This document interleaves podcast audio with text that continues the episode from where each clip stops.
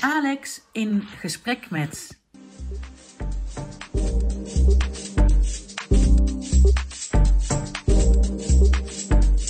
Mogelijk gemaakt door Sensor Bestuur.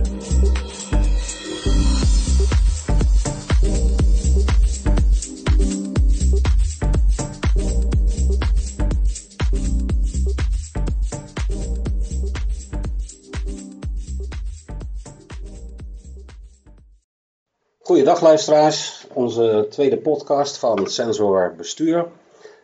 Eh, deze keer hebben we een gesprek met eh, Paul J. van Loon. En eh, Paul J. van Loon is eigenaar van Sensor. En daar gaan we het zo meteen over hebben. De vorige keer hebben we gesproken met Ger Luther. Bij Ger Luther, met Ger Luther hebben we onder andere gesproken over ja, de ontwikkelingen binnen burgerzaken en publiekzaken. En eh, ja, wat we daar eh, mee kunnen. En in het vervolg daarop gaan we nu spreken met eh, Paul van Loon. En zoals de vorige keer ook aangegeven, willen we ook graag weten wie de persoon in kwestie is die wij interviewen. En daar gaan we dan ook in eerste instantie mee beginnen. Ehm, ja, wie is Paul van Loon? En ik ben heel benieuwd waar de J voor staat. Jan. Jan, Paul Jan van Loon. Eh, waarom heb je die J ertussen staan? eh? Die, die hoort daar te staan. Nou ja, mijn vader die wilde dat ik Jan heette, maar dat had mijn moeder bedacht, dat gaan we niet doen, want dan roep ik Jan en dan reageren er twee niet. Want hij heet ook Jan. En eh, dus toen is het Paul geworden met een achtervoegsel Jan. In de praktijk is hij nooit gebruikt, was het altijd Paul. Maar toen ik boeken ging schrijven, toen raakten we in de war met de kinderboekenschrijver Paul Verloon. Dus toen is de Jan weer in, eh, in hergebruik geraakt en eh, is het Paul J. van Loon. Nou, Ja. klinkt hartstikke chic, toch? Ja, hartstikke chic. Dus en ik, ik, eh, begrijp ook het onderscheid met de andere schrij- schrijver. Ja, als je iets wil zijn in deze wereld, hè, dan moet er een letter tussen. Ja. Peter R. de Vries en John F. Kennedy en dan gaan we door. Hè. Paul Ja. J. van Loon. Oké. Paul J. van Loon. ehm, ik, ik weet volgens mij dat je een waanzinnige fan bent van Willem II, klopt dat? Nee, Niet? nee, Oh, waanzinnig niet. niet? Nee, maar wij, wij sponsoren Willem II als bedrijf. En mijn compagnon, die Ja. eh, is wel heel erg Willem II fan. En mijn vader, dus wij kopen wel seizoenkaarten en hebben een stoel en dat soort dingen. Maar ik ben eh, geen...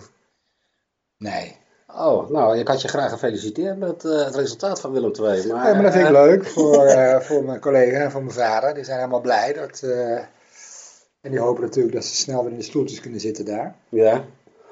Ehm, nou, dat kan ook, hè. En nu eh, gelukkig nog steeds in de Eredivisie. eh. Ja. Althans, gelukkig voor Willem II. Ja. Eh, ik ben zelf Feyenoord-fan overigens. En jij? Ik ben geen fan. Je bent geen fan. Oké. Ik zit meer in de... Ik, ik vind muziek leuk. Ja, ik ook, maar daar gaan we het niet over hebben, want dan zijn we over vijf dagen nog bezig. Althans, wat mij betreft. Ehm, ik zie ook dat je iets doet met Eure- Euregio Youth Orchestra. Ja, dat is de regio jeugdorkest. 100 getalenteerde muzikanten uit België en Nederland, jong, tussen de 12 en de 25 jaar. Die in een, eh, een ja, grote bezetting, symfonieorkest, eh, ja, de mooiste stukken spelen, onbewerkte symfonische muziek. Opleidingsorkest, dus je wil eigenlijk dat de jonge mensen door kunnen stromen naar het conservatorium en conservatoriumstudenten door kunnen stromen naar grote professionele orkesten. En daar is dit orkest eh, voor bedoeld. En ik ben inkomend voorzitter. Inkomend. Voorzitter. Dus dat, de oude voorzitter gaat eruit, de nieuwe komt erin. Dat Ja. is al zo. en ja, daar ligt mijn hart. Ik vind het fantastisch. En als ik in een concertzaal zit en ik zie dan honderd jonge mensen op het podium de sterren van de hemel spelen. En genieten. En ja, dan is het, dan vind ik, dat raakt me wel heel erg. En dat zijn gewoon dus ja, talenten. Er zitten dus mensen uit het orkest die aan het eh je, Christine Wilhelmina of Koningin Wilhelmina concours Ja, ja, ja, ja. deelnemen. En eh, eentje zit nou zelfs in de, in de selectie voor Elisabeth concours. En eh, het zijn echt wel talenten die daar spelen. Dus ja, die, die, daar gebeurt ook wel iets op het eh, Elisabeth podium. Concours is in België, toch? Of niet? Of is dat ook Nederland? Nee, dat is internationaal. Oh, internationaal, oké. En eh, Christine, Christina is, is Nederlands, hè. Maar goed, dat is gewoon een, een ding om erbij te doen, hè. Ja, leuk. Nou, een mooie hobby. Ja, Eh, muziek eh, kan je heel veel dingen bijbrengen, wat mij betreft. I'm sure. Ehm, Quiet 500 Foundation. Allemaal foundations. Ja, er is eh, ooit een initiatief geweest hier in Tilburg om, je hebt de quote 500, om de quiet uit te brengen. Dus dat gaat over de 500 armste mensen. En aansluitend bij dat initiatief is er dus een stichting ontstaan die beginnend in Tilburg eh, ja, initiatieven heeft ontplooid om eh, arme mensen te ondersteunen in eh, ja, dingen doen die ze in hun normale leven niet kunnen doen. Uit eten gaan, naar concerten gaan en, en dat soort zaken. Inmiddels is dat helemaal landelijk uitgegroeid. Mhm. En zijn er nog wat grote steden die hun eigen quiet community is het geworden hebben. En, en wat is jouw rol daarin? Ik zat er in het oprichtingsbestuur. Ah, oké. Het fijne van een oprichtingsbestuur is dat als het eenmaal staat, dat je dan weer Dan mag je weer weg. Ja, ja, ja, ja. Maar je houdt het op afstand nog wel in de gaten. Ik volg het, ja. Ja, ja. Ja. Ehm, een andere foundation, de Pink Monday, Monday Foundation. Jeetje, Als je het daarover zou ik willen. dacht dat we het over gemeentes gingen hebben. Maar Daar gaan we het eh, ook over hebben. Roze Maandag, dat is eh, natuurlijk een belangrijk initiatief om één keer per jaar in ieder geval als stad Tilburg uit te dragen dat diversiteit en inclusiviteit en dat soort thema's er gewoon echt toe doen. Mhm.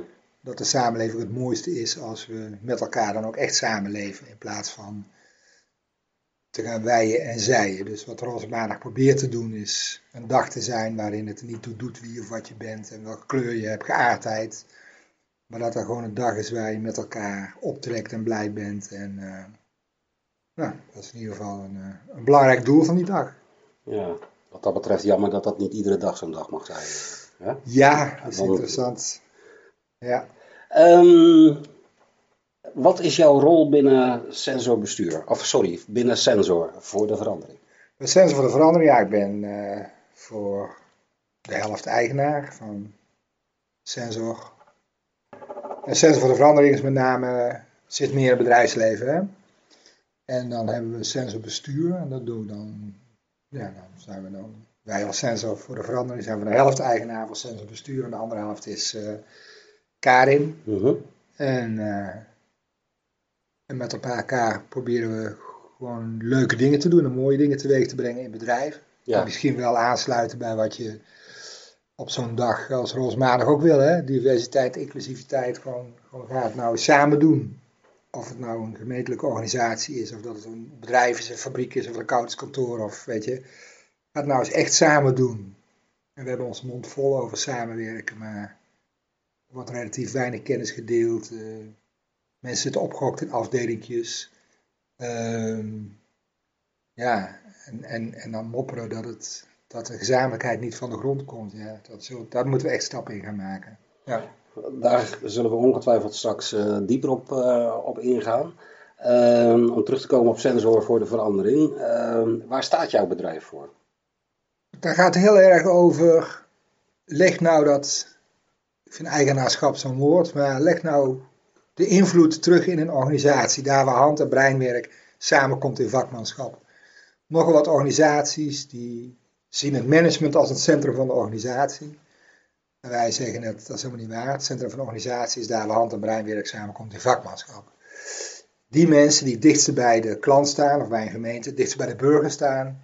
En die op basis van die ervaring samen met de rest van de organisatie ehm, ja, het boeltje gaan inrichten.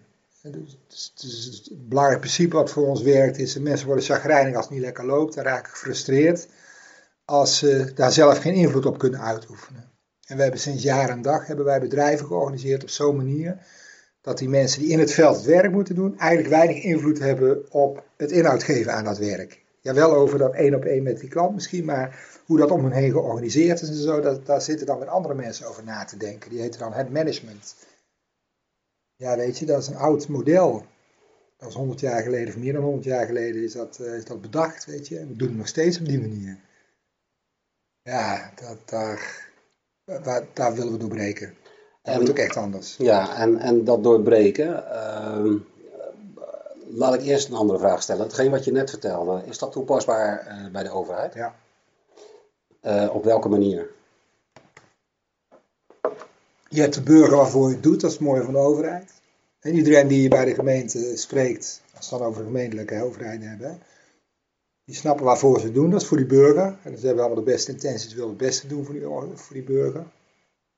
Ehm, dus als al die mensen die nou direct van doen hebben met die vraag van de burger, en die is natuurlijk veel complexer dan die vaak in eerste instantie eh, lijkt, als al die mensen die daar mee van doen hebben met die vraag, direct of indirect, samen na gaan denken over hoe kunnen we nou slim met die vraag van die burger omgaan, ja, dan ontstaat er een heel andere dynamiek. En, die, en dan vervolgens kun je dat ook inregelen. Hè? Hoe?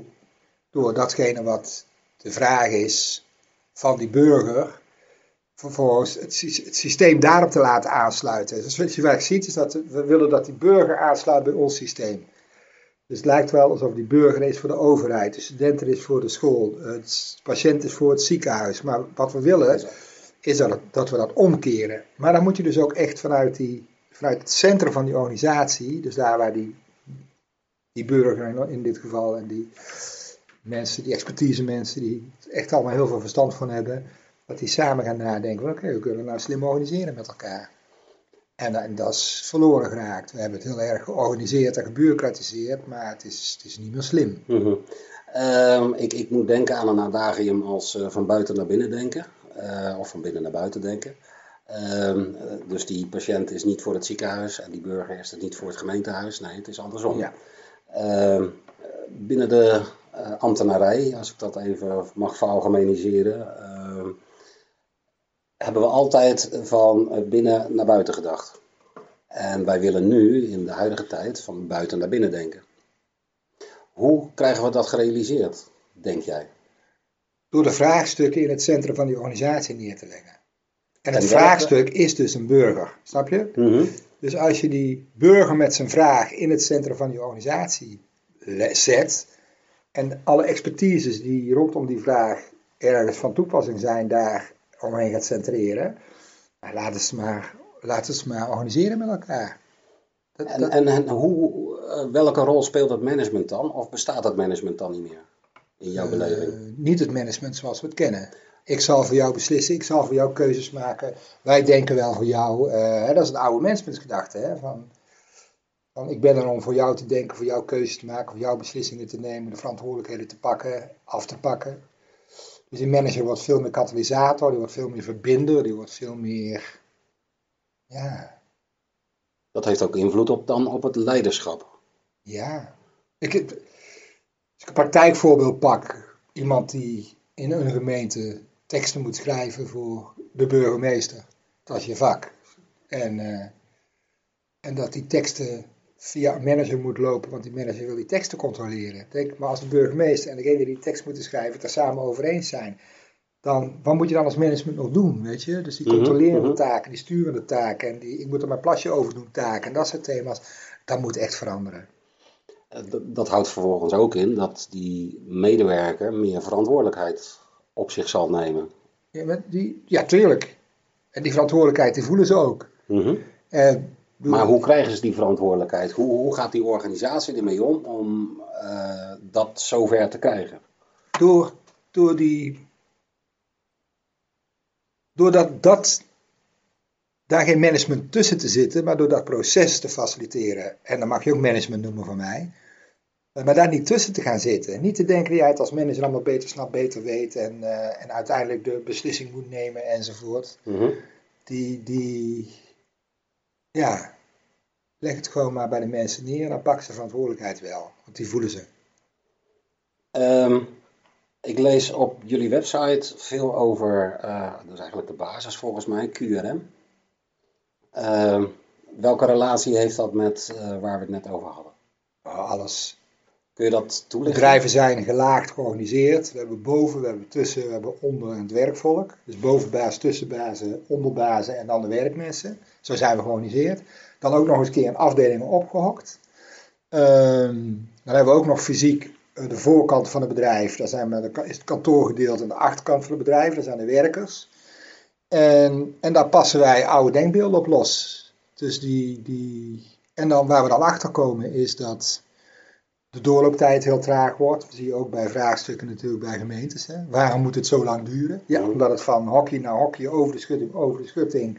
En dan moeten dan allerlei mensen weer over beslissen en plasjes over doen enzovoort. Dus dat vertraagt heel erg. Wat QRM voor staat, Quick Response Manufacturing, is dat je eigenlijk je wachttijden uit die processen gaat halen. En hoe haal je wachttijden uit de processen? Is die mensen die nou opgehokt zitten in allerlei afdelingen, samen te brengen in een team of in een cel, hoe je het ook noemen wil. Mhm. En ze heel direct te laten samenwerken rondom die vraag van de klant, of van de burger, van de patiënt, of van de student. Of van, Ja, eh, ja. eh, dus het, is, het heeft te maken met heel dynamisch organiseren. Mhm. En eh, op het moment dat je bij, we gaan het alleen eventjes over de gemeente hebben, als Ja. je dat goed vindt. Als je bij een gemeente binnenkomt eh, en die heeft een vraag over dat organiseren, wat is het eerste waar je over gaat praten? Met die gemeente. Nou, de vraag die vaak wordt gesteld is: kun je mensen leren verantwoordelijkheid te pakken? Kun je mensen. Nou, la la la la. Dan denk ik, ja, maar is er, hoeveel vrijheid, hoeveel ruimte is er voor mensen in deze organisatie om het in gezamenlijkheid, in cellen, in teams op te pakken? En wat heeft zo'n team dan nodig? Hè? Is dat eh, eh, kennis? Hè? Dus hoe, leg die kennis erop neer waar die thuis hoort, dus bij die mensen die dan in direct contact staat. Maar dan moet je dus ook kennis gaan delen en, en informatie gaan delen en informatie, eh, kennis toegankelijk maken en eh, ga zo maar door. Ehm, maar die, die. Dus ik ga op zoek naar die dynamiek. Wetende dat die dynamiek er niet is. En, en dan kijk ik. Waarom, waarom ga je op zoek naar iets wat er niet is? Omdat ik dan ga ontdekken waar de muurtjes staan. Of ze van eh, beton zijn, of dat er al betonrot in zit, of dat het een heg is waar we een gat in kunnen knippen. Of je moet die organisatie gaan doorgronden. Hè? Je moet, Mhm. moet kijk, heel veel overheidsorganisaties roepen dat ze een soort van netwerkorganisatie willen zijn. Die hebben dit overtuiging ook wel die ik hier nu schets. Maar dan willen ze mogelijk maken in een klassiek organisatiemodel. Hè, wat ik dus ik moet ook dat klassieke organisatiemodel zien. Hoe zijn we nou georganiseerd? We zitten met elkaar in relatie tot van wat we nou eigenlijk willen met elkaar. En daar zie je dan vaak die mismatch. En, eh, en die moeten we blootleggen. Ehm, dat is dan organisatorisch. Als ik naar de, de individuen kijk binnen die organisatie, dan geef je net aan over in die nieuwe or- soort organisatie eh, is het wel de bedoeling dat de mensen verantwoordelijkheid nemen, eh, kennis delen, eh, integraal samenwerken, als ik dat zo mag vertalen. Ehm, als ik zeg dat binnen burgerzaken eh, de mensen zodanig zijn opgevoed, tussen aanhalingstekens, dit is de wet, hier heb ik een vraag, dat leg ik alleen maar op die wet. En als die wet zegt dat het niet kan, dan gaan we het niet doen. Ja. Eh, terwijl er een heel grijs gebied is, eh, waardoor je die klant misschien wel ten dienste kunt zijn. Hoe kun je uiteindelijk die mensen die zo zijn opgevoed, omturnen naar eh, een dusdanig gedrag dat ze, ik kom altijd met het rapport van de ombudsman, dat heet een mens leeft, een eh, computer niet. Of een systeem niet, sorry. En ehm, hoe, hoe krijg je die medewerker nou zover dat hij zo gaat denken, dat hij ook zo gaat handelen? Dat die eh, medewerker het gevoel moet krijgen dat, dat, dat er ruimte is en, en dus ook invloed mogelijk is om daar iets mee te doen. Het, is, het, het zit met het feit dat mensen het gevoel hebben dat ze geen invloed hebben, het systeem moeten volgen. Maar al die mensen die het systeem aan het volgen zijn, die zijn zelf ook burger. Dus als je dan, je kunt je heel makkelijk verplaatsen in het gevoel van een burger, omdat je zelf ook burger bent. En van daaruit kun je heel erg gaan nadenken hoe je met wetgeving en, eh, en regelgeving kunt omgaan. Hoe, Snap je? kom- hoe komt het, denk je, dat die ambtenaar zich niet eh, bewust is van het feit dat hij ook burger is? En dat hij vanuit dat standpunt. Als je vanuit- 20 jaar lang, 30 jaar lang in een organisatie hebt gewerkt die waar, hè, wat we net zeiden, hè, die, die burger is er voor het systeem, voor de overheid, of die school, de student is er voor het onderwijs. Is er. Als je jarenlang in zo'n systeem hebt gewerkt, ja weet je, dan moet je 180 graden anders gaan denken, hè, om, om te zien dat dat systeem een hulpmiddel is, in plaats van dat dat de, eh, ja, weet je, basis. wat leiders gegeven is. Ja, ja. Ja, dus daar. Maar daar moet je anders, anders, anders om gaan kijken, zeg maar. Ik vind dat een hele interessante gedachte. Ja. Dat, dat, dat de organisatie een hulpmiddel is. Ja, en dat hulpmiddel kun je, kun je op zijn Tilburgs verrekkers goed inrichten. Ook dankzij de tijd waarin we leven. Hè? Technologische ontwikkeling, robotisering, automatisering enzovoort enzovoort. En als jij van scratch af die gemeente zou moeten opbouwen, waar, hoe, zou je dan te werk gaan? Ik zou gewoon beginnen bij de vraagstukken. Ik zou beginnen bij op straat, we noemen dat streetwise uh, organiseren. Hè? Ik zou op straat beginnen, daar zie je het. Plantsoenetjes, de vuilniszakken naast de containers. Uh, hier voor de deur, bij kantoor ook gewoon de peuken op straat. Uh, maar dat kan ook zijn uh, wildgroeien aan, aan dakkapellen of nou weet je wat allemaal kunt hebben. En van daaruit gaan kijken. En daar de mensen omheen zetten die, die op een of andere manier met die vraagstelling van doen hebben. De experts. De hmm. hele gemeente zit vol met experts. Ja. En mensen die op bepaalde onderdelen gewoon ook echt heel veel verstand van dingen hebben. Of het nou bouwzaken is, juridisch is, of maakt niet uit. Ze zitten er gewoon. Hè? En ze zijn er gemotiveerd ook. Die zijn nog eens een keer omgeven door beleidsmedewerkers die zich in zaken verdiepen, dat ook graag doen. Nou, als je die rondom um, zo'n vraag groepeert, en je gaat die vraag, die, die, kijk, je kunt als je naar een gemeente kijkt, dan kun je als alle gemeentelijke vragen, die kun je sowieso op een rijtje zetten. En die kun je gaan groeperen naar soorten vragen. En, en, maar die moet je dus misschien ook anders gaan, gaan groeperen. Um, dus dat vraagt organisatiedesign. Daar begint het mee. Um, ik mis daarbij, maar misschien kom je daar nog op. Ik mis daarbij het bestuur en het management. En het management bedoel ik dan echt het managementteam, hè? dus de afdelingshoofden, even in oude termen uh, uh, pratend. Uh, de afdelingshoofden met de secretaris is het managementteam en dan hebben we ook nog een college en ja. een gemeenteraad. Wat, wat, wat, doen we daarmee in die nieuwe organisatie?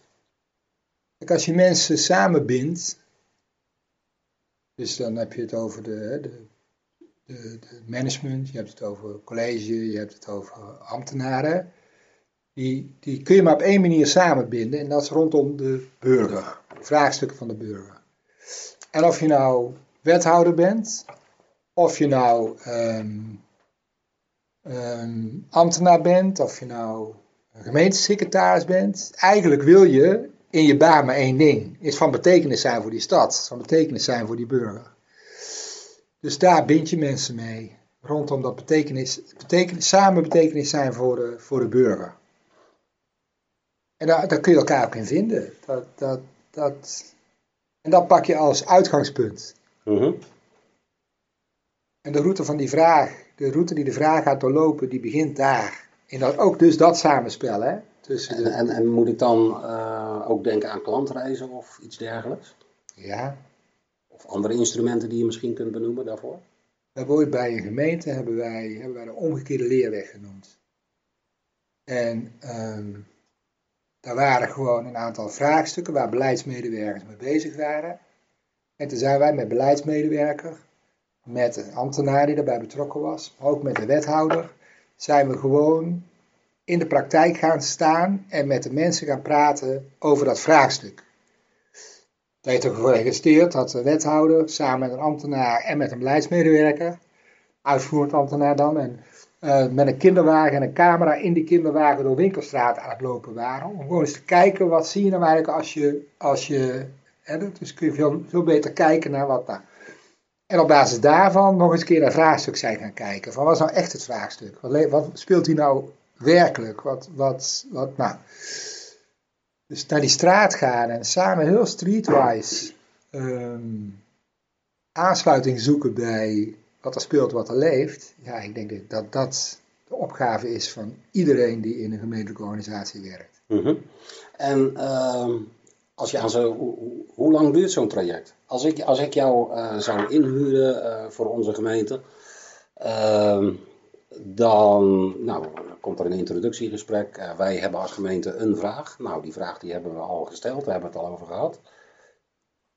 Hoe gaat dat dan verder? En, en hoe lang duurt zoiets? Oké, elke vraag die opdoet, die leggen wij terug naar hoe zijn we nou eigenlijk georganiseerd. Dus in die organisatie, die vraag ontstaat en die moet zijn weg vinden in die organisatie. Als ze ons bellen, hebben ze daar doorgaans moeite mee. Dus dan gaan we kijken, niet naar, we kijken in eerste instantie helemaal niet naar mensen. Hè? Ehm, want die mensen zijn allemaal van goede wil. Maar die mensen werken in een systeem, in een organisatie, waardoor die goede wil, de intentie, in de werkelijkheid eigenlijk niet tot zijn recht komt. Dus dan gaan we kijken, hoe zijn we nou eigenlijk georganiseerd rondom die vraag? En, en dan ga je eigenlijk, gaan wij, die, wij die bestaande organisatie, die gaan we eh, herdesignen. Gewoon letterlijk op papier. We tekenen het, we tekenen het anders uit. Als we nou eens deze route zouden lopen met die die mensen ingehaakt. Die zitten weliswaar op andere afdelingen, of misschien wel ergens in een wijk of weet ik veel wat. En die gaan we, dus zo zou het idealiter uitzien. Dus dat gaan we eerst uh, designen. Nou, dat doe je op, ja, weet je, bij wijze van spreken op de achterkant van een bierviltje op één avond. Dus dat is allemaal niet zo complex. Die Mhm. structuur heb je zo uitgetekend. Mhm.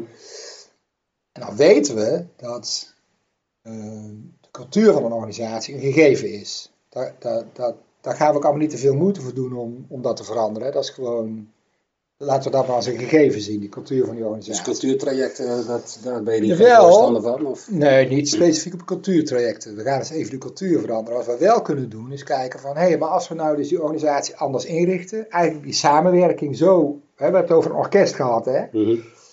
Kenmerk van een orkest is dat al die muziek, die, al die, de eerste viool, de tweede viool, cello's, trombones, eh, trompetjes, kleinetjes, hobo's, fagotten, dat zit allemaal in één ruimte bij elkaar. En de manager, de dirigent noem ik hem dan maar even zo, die staat voor dat orkest, heeft verbinding met iedereen.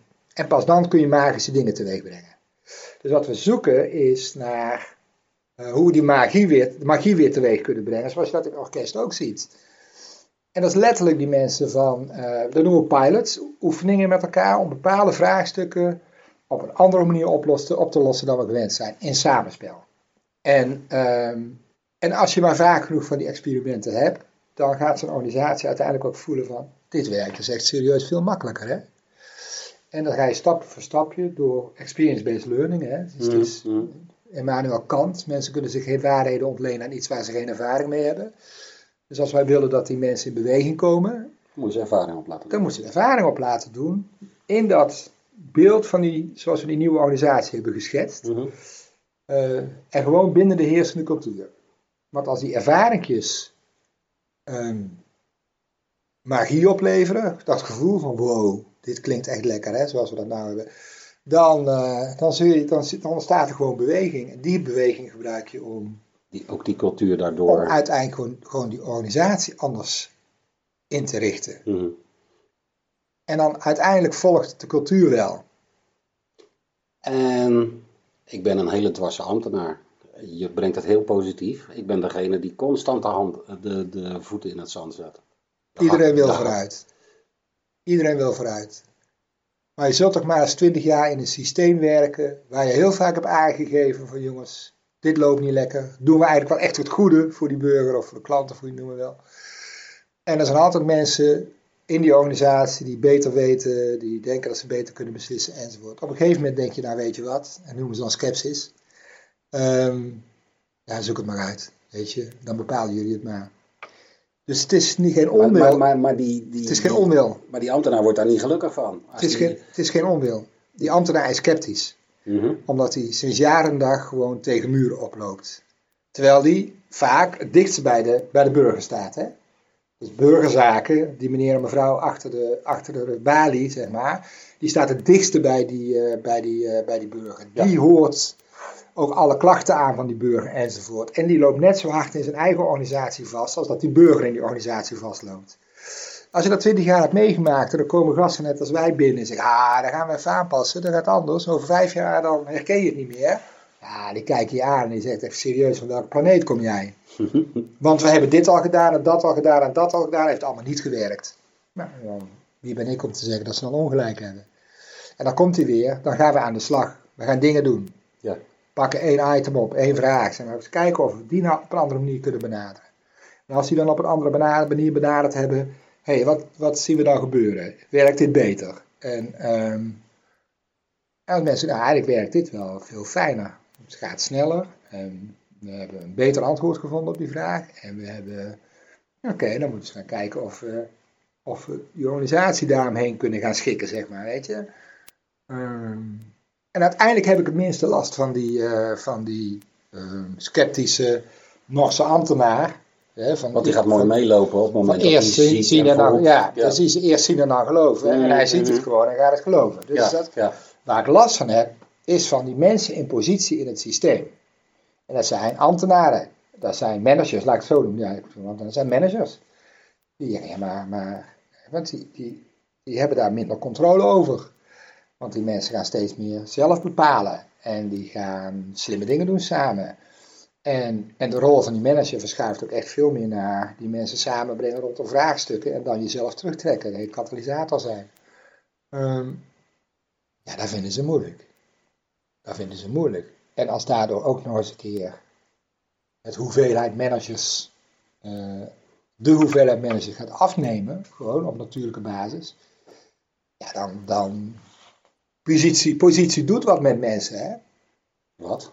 En macht doet ook iets met mensen. Wat, wat doet die positie met mensen? Je gaat je toch beter voelen, sterker voelen, anders voelen. Is dat Ja. zo? Ja. Weet je, Als- als, als ik- als, je, als je wil groeien in een bedrijf, of in, een, in dit geval in een gemeente, doen ze er hoger opkomen. Mhm. Ja, dat zegt het al, hè.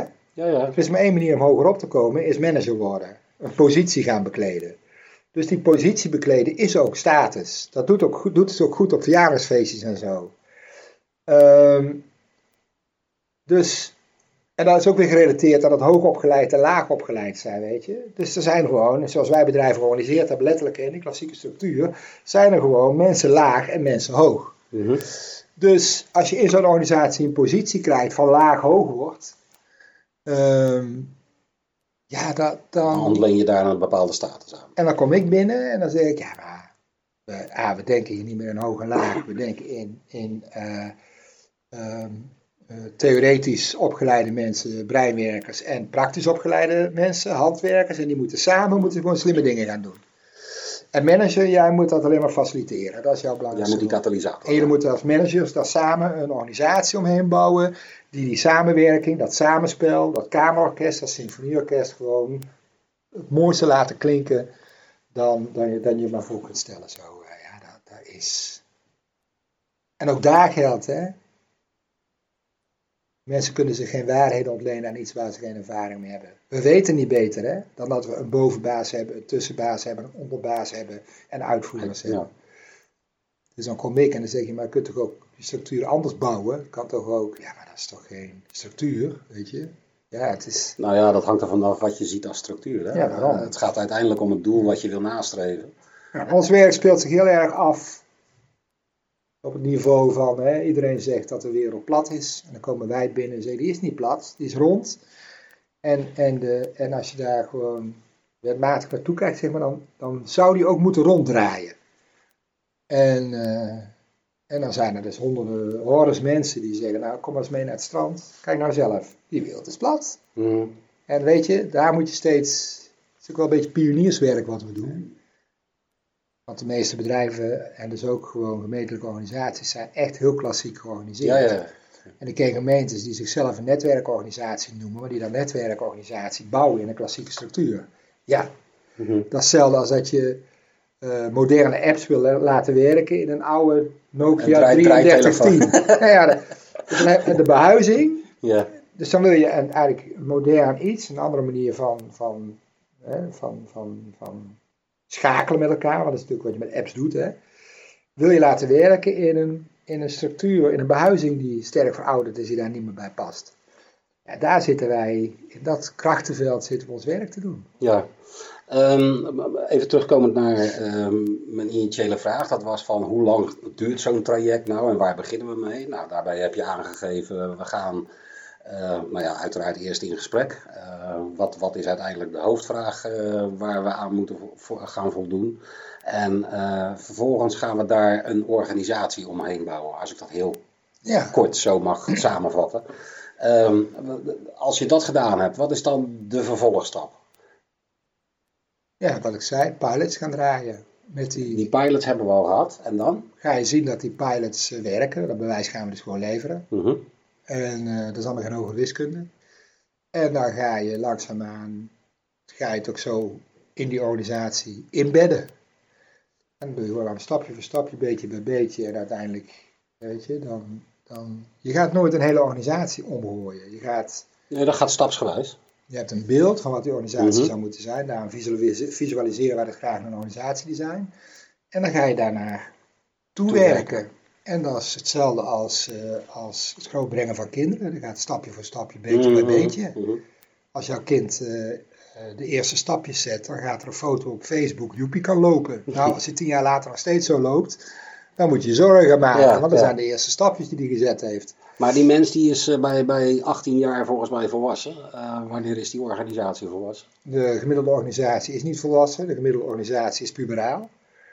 Wij, zij, jullie, zullen hier te lang, daar te breed, mouwen over het management, zoals we ook mouwen over onze ouders en dat macht- en krachtenspel, weet je wat, eh, wat daar werkt. De gemiddelde organisatie is puberaal en we moeten naar jonge volwassen en volwassen organisatie gaan. Waarin mensen zich op natuurlijke wijze eh, tot elkaar gaan verhouden, waardoor samenwerking leidt tot fantastisch samenspel. en Zo, weet je, dat stukje. Nou, lukt ons niet eens in de samenleving. Eh, met volwassen mensen. Ja, ja. Dus het is niet zo dat volwassen mensen volwassen gedrag vertonen. Of dat volwassen mensen volwassen in een organisatie staan.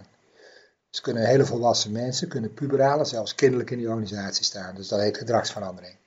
Dus in alles wat je in de organisatie teweeg brengt, alles wat je de organisatie anders organiseert, anders inricht, ehm, dat gedrag volgt. Dat loopt er achteraan. Mhm. Dat is, dat is, maar als je maar in die organisatie aan de slag blijft, dus vanuit een beeld wat je als organisatie wil zijn, gaat starten met het anders aanpakken van, van eh, ehm, vraagstukken, uiteindelijk ontstaat die nieuwe organisatie dan wel.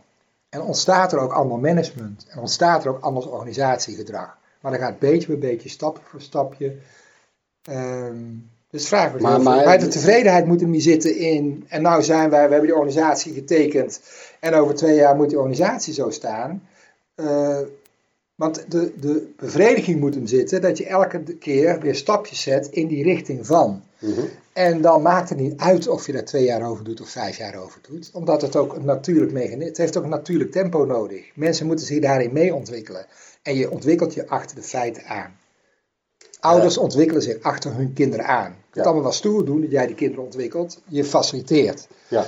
En je geeft een dak boven het hoofd, zodat ze naar school kunnen, lalalalap. En ze weken zich langzaamaan van jou los. En in dat losweekproces van die kinderen leer jij loslaten en ontwikkel je met de kinderen mee. En, en, maar je loopt achter de feiten aan. Ja, Want ze snappen meer van de moderne wereld dan jij. Mhm. En schakelen daar makkelijker mee dan jij. Ja. Dus wat wij vaak in ons werk zeggen is, van als je nou door de ogen van de jeugd naar de toekomst kijkt, dan zie je het al voor je. En als je nou eens gewoon daarmee omgaat zoals die nieuwe generatie daarmee omgaat.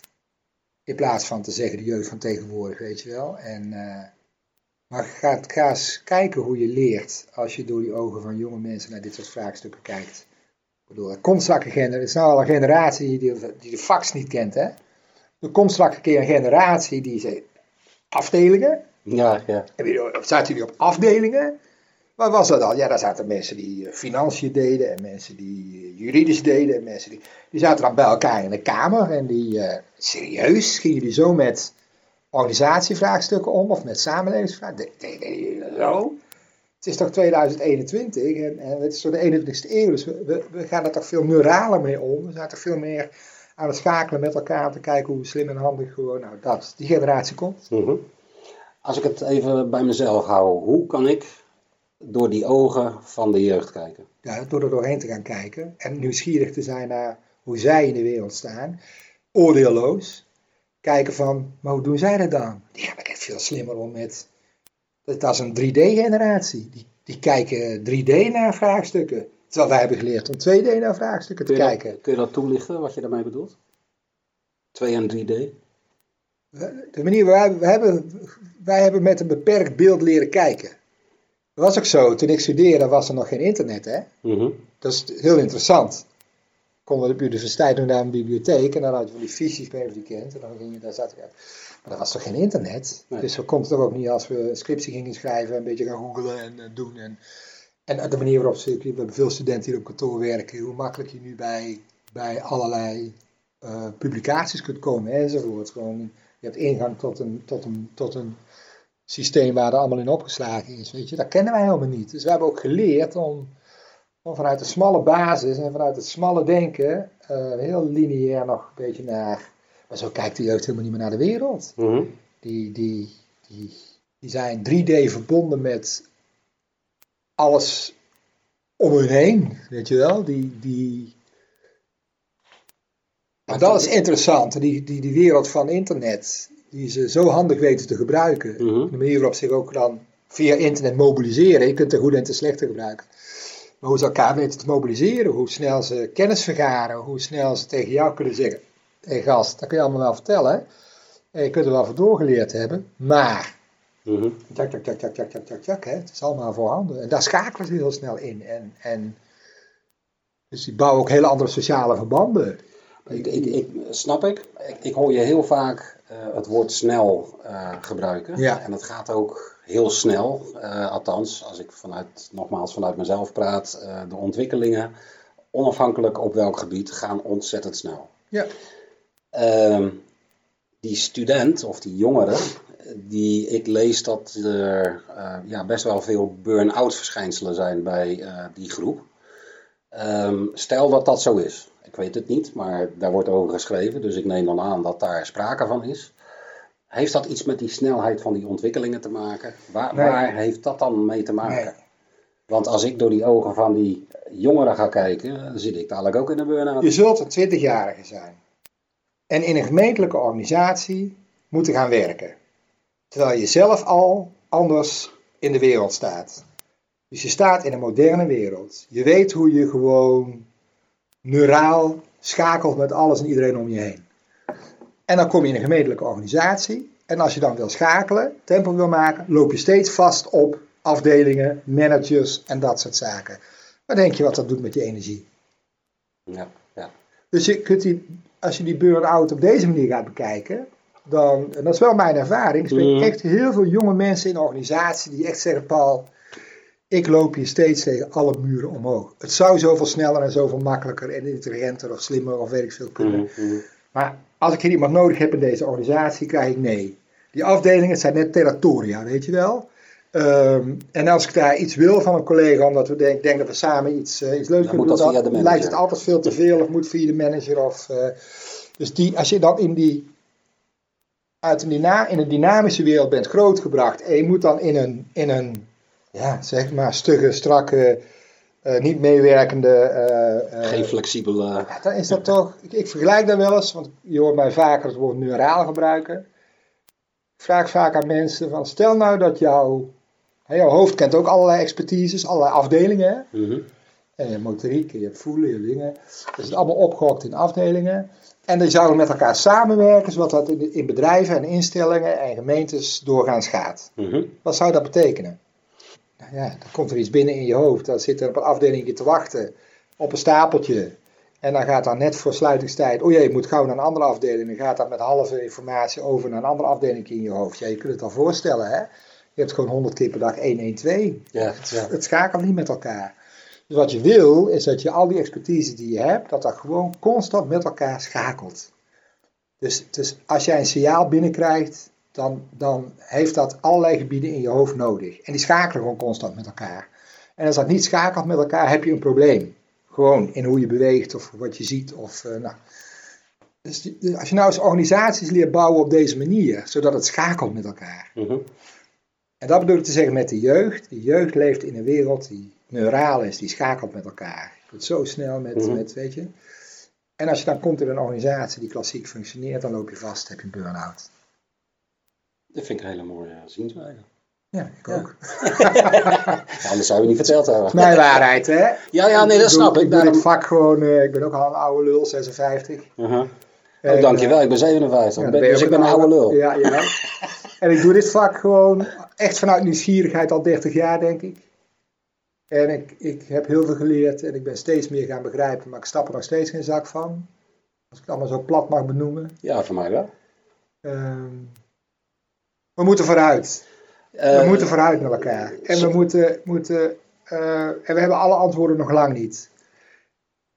Maar we moeten vanuit de nieuwsgierigheid dat het anders moet, dat we ook echt in een andere eeuw leven en dat er ongelooflijk veel op ons af aan het komen zijn, moet de generatie die het nu voor het zeggen heeft, het moet anders.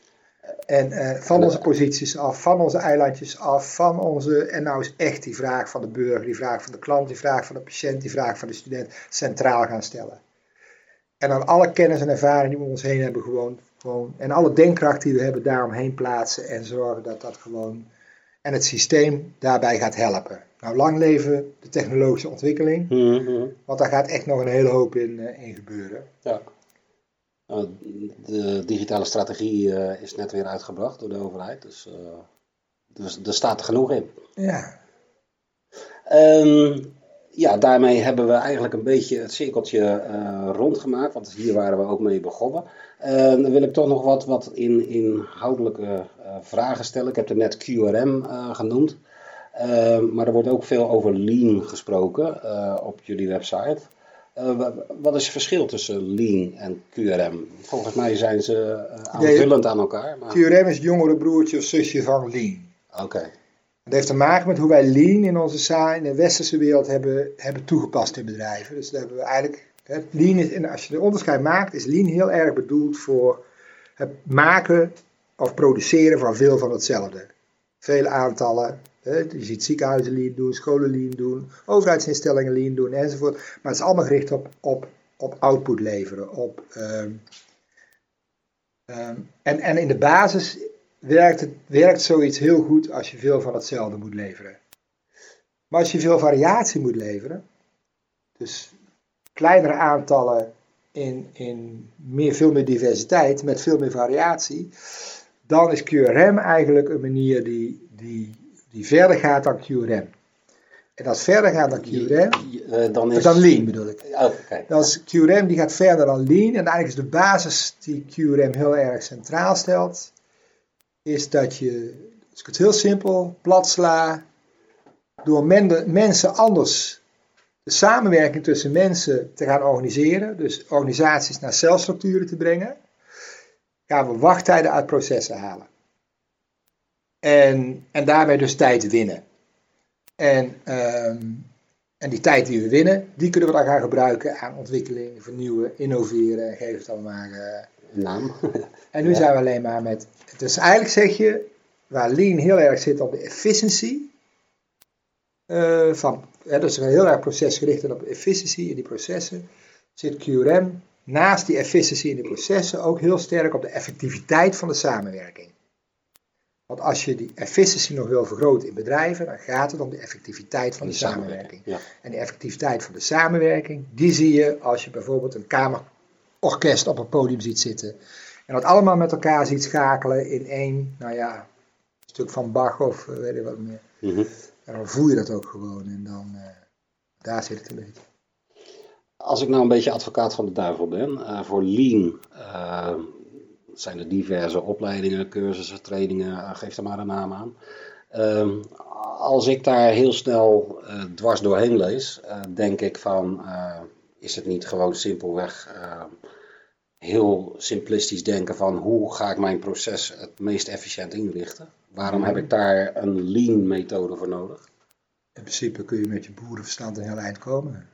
Dat is hetgeen wat ik bedoelde. Ja. Kijk, eh, elk bedrijf of organisatie waar komen zeggen, ja, maar onze processen zijn veel complexer. Nee, elk proces is in de basis redelijk eenvoudig, maar we hebben het complex gemaakt. Dat zie je ook bij een gemeentelijke organisatie. Want dan heb je juristen, je hebt nou weet ik, allemaal mensen in een organisatie die er verstand van hebben. En iedereen wil een stukje inbreng doen. Maar daarmee maken ze het proces vaak veel complexer. We worden afgeleid, zie je. Nou ja, daar hoef jij verder niet. eh eh, Blinkt hier de computer en dan begint hier iemand in paniek op knoppen te duwen. Ja, nou, eh, ik was bang dat hij opnieuw ging opstarten. En dan zijn we dadelijk alles kwijt. Eh, dat was niet eh, de bedoeling. Dus vandaar dat ik eventjes... Ja, misschien is het ook wel... eh, dan gaan we weer opnieuw beginnen. Ehm, even kijken. Eh, hoe realistisch is het om, eh, en deze vraag stel ik eigenlijk als voorbode op de volgende podcast eh, die we gaan hebben van Sensor. Hoe realistisch is het bij burger slash publiekzaken om een zelfsturend team te realiseren? Ja, ik dacht dat dat de centrale vraag was van vandaag, maar die komt dan meer volgende keer aan bod. Ja, Ja, dat begint met de definitie van zelfsturing. Kijk, ehm, zolang wij zelfsturing blijven zien als nou, dan moet je het allemaal zelf maar gaan doen, hè? Dan, eh, dan, ja, dan, dan is dat niet realistisch. Nee. Dus dan, Wanneer is het wel realistisch? als je in de ontwikkelfase waar een team of een organisatie in verkeert, de juiste balans vindt tussen zelf en sturing. Dat is eigenlijk wat je thuis leert bij je kinderen, loslaten en beschermen. Eén ding staat vast, we gaan ze loslaten. Ze gaan op eigen benen. Dat heet zelfsturing. Ja? Maar daar hoort een proces van loslaten bij. En, eh, en dat geldt natuurlijk bij, bij zelfsturing. Hè, dat, dat geldt als je dan kijkt naar de rol van een manager of, of een teamlead, of hoe je het allemaal noemen wil. Dan gaat het juist over het, het dan noemen we dat enabling hè, in vaktermen. Dat je het vermogen hebt om mensen te enablen in dat proces na op eigen benen staan. Wat hebben ze aan sturing nodig om zoveel mogelijk zelf te kunnen regelen, organiseren, plannen enzovoort. Wetende dat we uit een tijdperk komen waarin alles gericht is op zo min mogelijk zelf met zoveel mogelijk sturing. In het tijdperk, de 21e eeuw, naar zoveel mogelijk zelf met minimale sturing. Nou, dat proces, ja, daar, daar ga, als je dat goed definieert voor jezelf en iedereen in die organisatie daar zich ook heel erg goed van bewust is en ook de, de, de, de schuivende panelen rondom leiderschap daarin goed toepast. Zoals de ouders dat ook gewoon moeten doen in de opvoeding van hun kinderen en zo. Dan gaat dat werken. Mhm. Ik geloof heilig in zelfsturing. Heilig. Ik vind jouw enthousiasme eh, aanstekelijk. Ik vind het mooi wat je vertelt. Dankjewel. Ehm, we zijn bijna aan het einde eh, van deze podcast. Eh, het is gebruikelijk, alhoewel dit eh, de tweede podcast pas is. Maar het eh, gaat gebruikelijk zijn om aan het einde van de podcast eh, een tiental stellingen voor te leggen. En je moet kiezen, dus je moet een keuze maken.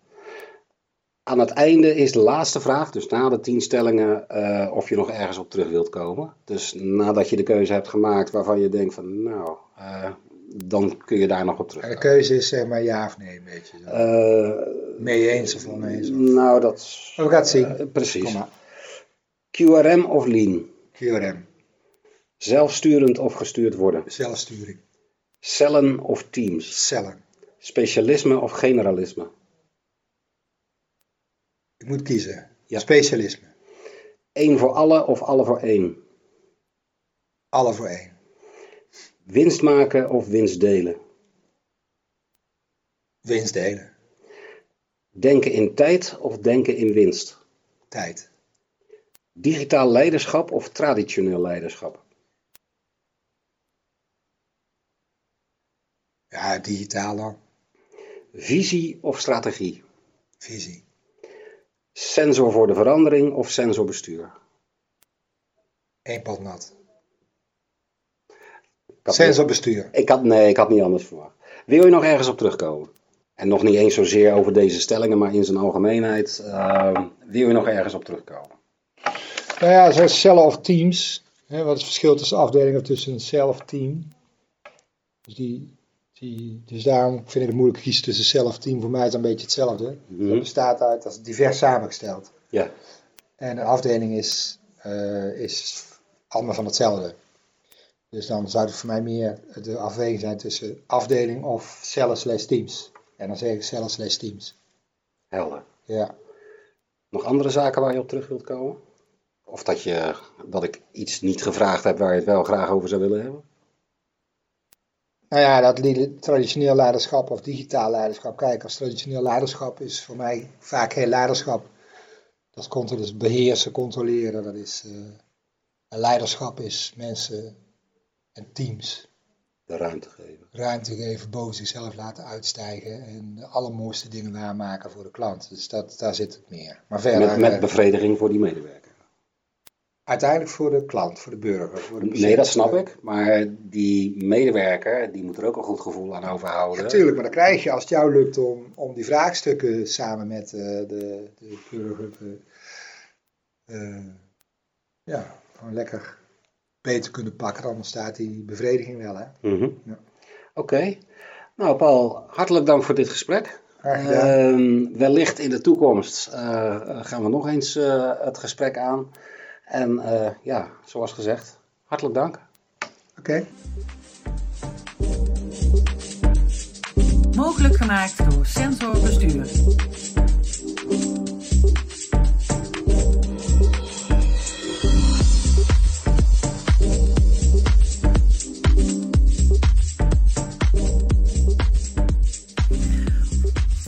In de podcast Alex in gesprek met Anne-Jo Schimmel en haar onderzoeksopdracht naar zelfsturende teams.